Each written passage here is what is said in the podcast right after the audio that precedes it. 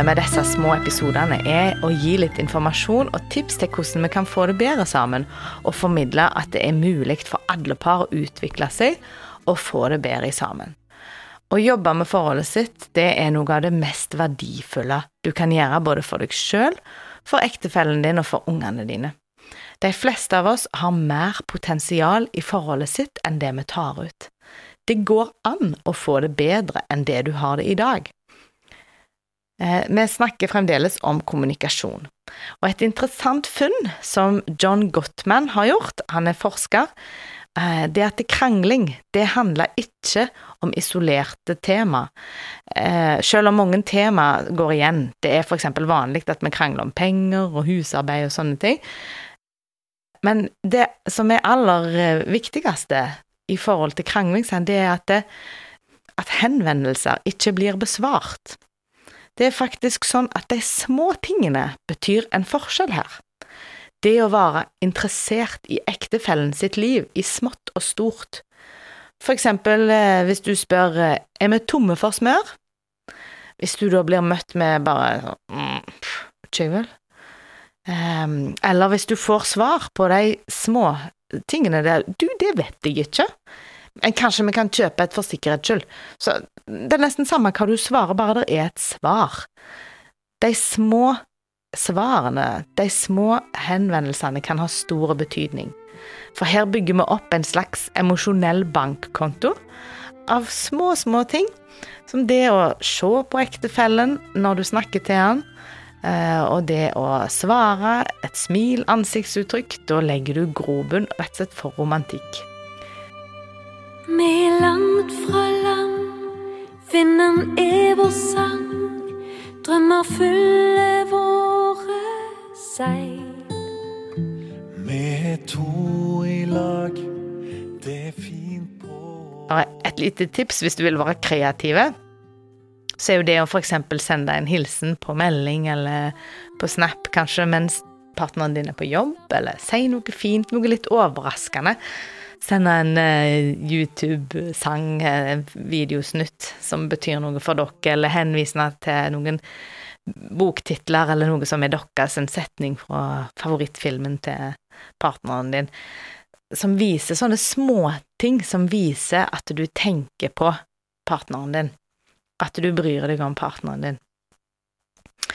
Og her i forhold til akkurat dette med de små tingene, så er det en stor utfordring. Jeg vet ikke hvordan det er med deg, men iallfall jeg har det sånn at uh, telefonen min er veldig viktig for meg. Og veldig ofte når jeg skal snakke med familien min, ektefellen min, så kikker jeg på skjermen og på telefonen og heller på med noe der, og så syns jeg at jeg klarer helt fint å høre hva de andre rundt meg sier og snakker om for det om. Men jeg har fått ganske mange tilbakemeldinger fra både ungene mine og fra mannen min at det jeg er ikke så flink på det. Uh, og at jeg bør skjerpe meg og legge telefonen ifra meg litt. Og jeg har prøvd ulike tiltak, og jeg er fremdeles ikke i mål med dette. Steg nummer én når vi skal endre oss, er jo alltid å innrømme det, og erkjenne at dette problemet har jeg, uh, og at jeg må ønske å gjøre noe med det. Og uansett hva som er årsaken, og på hvilken måte dette skjer, så er det eh, ok å huske på at det som regel er tankeløshet som ligger bak sånne handlinger. Det er ikke ondskap, liksom. Det er ikke for at jeg ikke bryr meg om familien min, at jeg aldri greier å legge vekk telefonen min. Det er bare at jeg ja, syns det er vanskelig, og det kan være avhengighet. Uh, og ja, steg nummer én for å kunne gjøre endring, endring med seg sjøl, det er alltid å innrømme det. Så har jeg lyst når det da faktisk handler om telefon, eksempel, så som meg, så syns jeg jo oppriktig at det der er andre personer i familien som kanskje òg har problemer med dette, og da kjennes det urettferdig ut at det jeg skal ta skylda, at det jeg skal måtte eh, Men jeg kan bare endre på meg sjøl, og ingen andre. Og når min ektefelle uttrykker følelser rundt et tema, så må jeg lytte og bekrefte, eh, og tenke at det å snakke med meg skal iallfall være ok. Det skal iallfall kunne gå an å gi kritikk til meg uten at jeg skal gire det opp. Og det er en grei regel òg, er å ikke gi råd uten at du blir bedt om det. Jeg har oppdaga at for meg så kan det være veldig vanskelig å ikke gjøre det. Eh, for jeg tror jo som regel at det er veldig fornuftige innspill, det jeg har. Og, og, kanskje så tror jeg til og med at jeg sitter jo på svaret her for det som uh, mannen min lurer på, liksom. Så skal jeg la være å si det, da? Ja, det skal jeg faktisk. Hvis ikke han ber om, om råd, så kan faktisk det å begynne å gi råd virke mot sin hensikt. Det er nyttig å være klar over. Et bibelvers som er med å understreke det, det er fra Matteus 7. Da sier Jesus, hvorfor ser du flisen i din brors øre, men bjelken i ditt eget, den legger du ikke merke til. Vi trenger å ha en ydmyke holdning, og det er vanskelig, men det er viktig. Så oppsummeringen for i dag kan være at de små tingene, de betyr noe.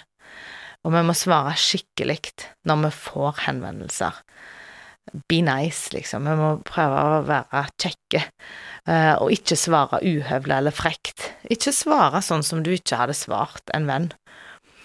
Og husk at vi tidligere snakket om at vennskap er jo den viktigste basen for et godt samliv. Vi slenger ikke dritt til vennene våre, og vi bør ikke slenge dritt til ektefellen vår heller. Jobb med deg sjøl og din kommunikasjon, og så må partneren din jobbe med seg og sin kommunikasjon. Og De neste episodene skal handle om konflikthåndtering, og jeg håper at du henger med og syns det er interessant. Hei, hei. Gjennom alt skal vi holde hender, skal være to.